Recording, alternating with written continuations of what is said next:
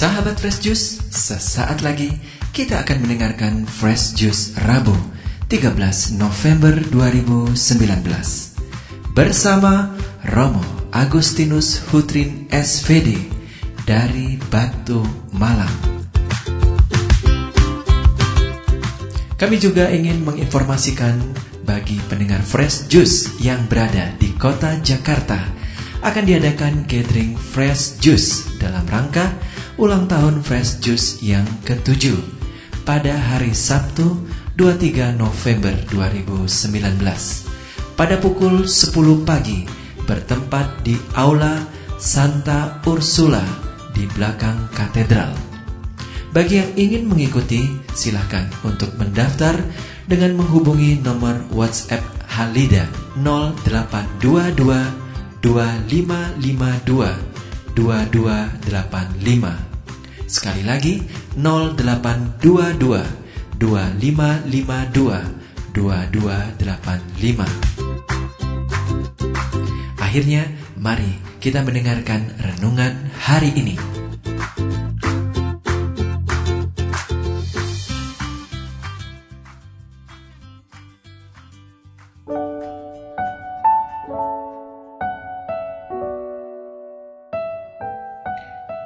Shalom Bapak Ibu, Saudara dan Saudari yang terkasih di dalam Tuhan.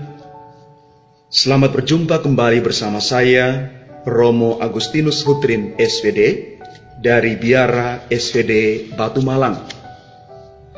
Sebelum kita merenungkan sabda Tuhan hari ini, mari kita membacakan teks kitab suci yang diambil dari Injil Lukas, bab 17, ayat 11 sampai dengan 19.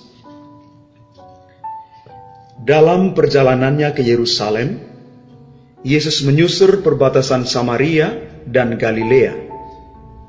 Ketika ia memasuki suatu desa, datanglah sepuluh orang kusta menemui dia. Mereka tinggal berdiri agak jauh dan berteriak, Yesus Guru, kasihanilah kami. Lalu ia memandang mereka dan berkata, Pergilah, perlihatkanlah dirimu kepada imam-imam. Dan sementara mereka di tengah jalan, mereka menjadi tahir. Seorang dari mereka ketika melihat bahwa ia telah sembuh, kembali sambil memuliakan Allah dengan suara nyaring, lalu tersungkur di depan kaki Yesus dan mengucap syukur kepadanya. Orang itu adalah seorang Samaria.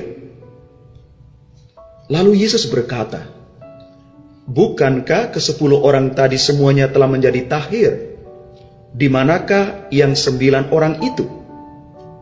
Tidak adakah di antara mereka yang kembali untuk memuliakan Allah selain daripada orang asing ini? Lalu ia berkata kepada orang itu, Berdirilah dan pergilah imanmu telah menyelamatkan engkau. Demikianlah Injil Tuhan. Terpujilah Kristus.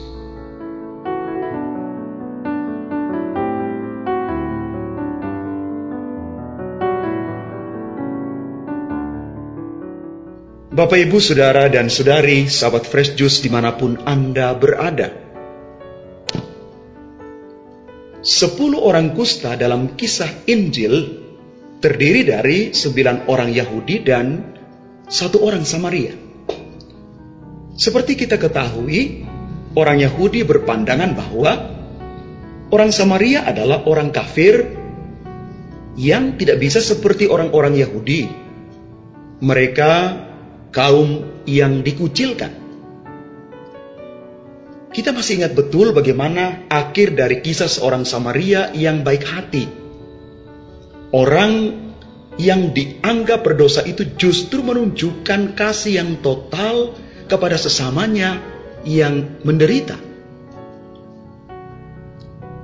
Penyakit kusta atau penyakit apa pun dalam pandangan zaman Yesus adalah bentuk hukuman dari Allah karena dosa atau kesalahan orang itu. Karena dianggap mendapat kutukan, orang-orang yang sakit secara fisik justru harus disingkirkan dari lingkungan masyarakat. Masyarakat pada umumnya tidak mau tertular oleh orang-orang yang terkutuk. Maka kesepuluh orang dalam kisah itu hanya tinggal berdiri agak jauh dan berteriak supaya mendapatkan perhatian dari Yesus. Tidak dijelaskan apakah Yesus datang mendekat pada mereka atau tidak. Yang jelas Lukas mengisahkan bahwa Yesus memandang mereka. Sebuah kata sederhana yang maknanya sangat dalam. Memandang. Dalam arti ini Yesus melihat mereka ketika mereka berteriak. Namun selain itu bisa diartikan Yesus memandang ke sepuluh orang tersingkir itu sebagai orang-orang yang patut mendapat kasih dan penghormatan. Yesus tidak melihat mereka hanya dengan mata lahiriah. Namun, Yesus memandang mereka dengan mata hati. Memandang dengan cara Allah memandang manusia penuh belas kasih. Saudaraku yang terkasih, tidak jarang kita juga merasa jauh dari Allah karena kita menyadari diri sebagai orang berdosa. Jangankan mau berteriak, Mau mendekat saja kita merasa tidak layak dan tidak pantas di hadapan Allah. Dan sikap yang sering terjadi justru kita semakin menjauhkan diri dari Allah. Jika kita merasa jauh dari Allah, bukannya Allah yang meninggalkan atau menjauh kita, tetapi justru kitalah yang sering kali menutup diri dan menjauhkan diri kita dari Allah. Allah senantiasa membuka tangannya untuk siapa saja yang datang padanya. Sepuluh orang kusta melambangkan kedosan yang akut, kesalahan yang sangat besar. Mungkin secara manusiawi tidak dapat diampuni. Tetapi mereka yang mempunyai kesempurnaan dalam doa tetap mendapat pengampunan dari Yesus Cara Yesus memandang mereka menjadikan mereka dikembalikan pada martabat anak-anak Allah yang berhak mendapatkan keselamatan. Cara Yesus memandang membawa berkat pengampunan bagi yang berdosa yang dijauhi oleh masyarakat. Cara pandang Yesus inilah yang tidak kita tiru dalam memandang banyak hal, terutama bagaimana kita memandang mereka yang menderita. Yesus memandang dengan kasih dan pengampunan. Demikian kita juga diajak untuk mempunyai cara pandang demikian. Kita diajak untuk meyakini bahwa cara pandang Allah tidak sama dengan cara pandang manusia. Dalam keadaan dosa sebesar apa pun, Allah tetap membuka pintu kerahimannya bagi mereka yang mau datang mendekat. Apa pesan firman Tuhan hari ini untuk kita? Mari kita memandang sesama kita dengan mata hati yang berbelas kasih dan penuh pengampunan. Karena Yesus Tuhan sudah menunjukkan itu bagi kita dia memandang kita dan melayakan kita mendapatkan keselamatan kekal dari Allah. Semoga Tuhan memberkati kita sekalian.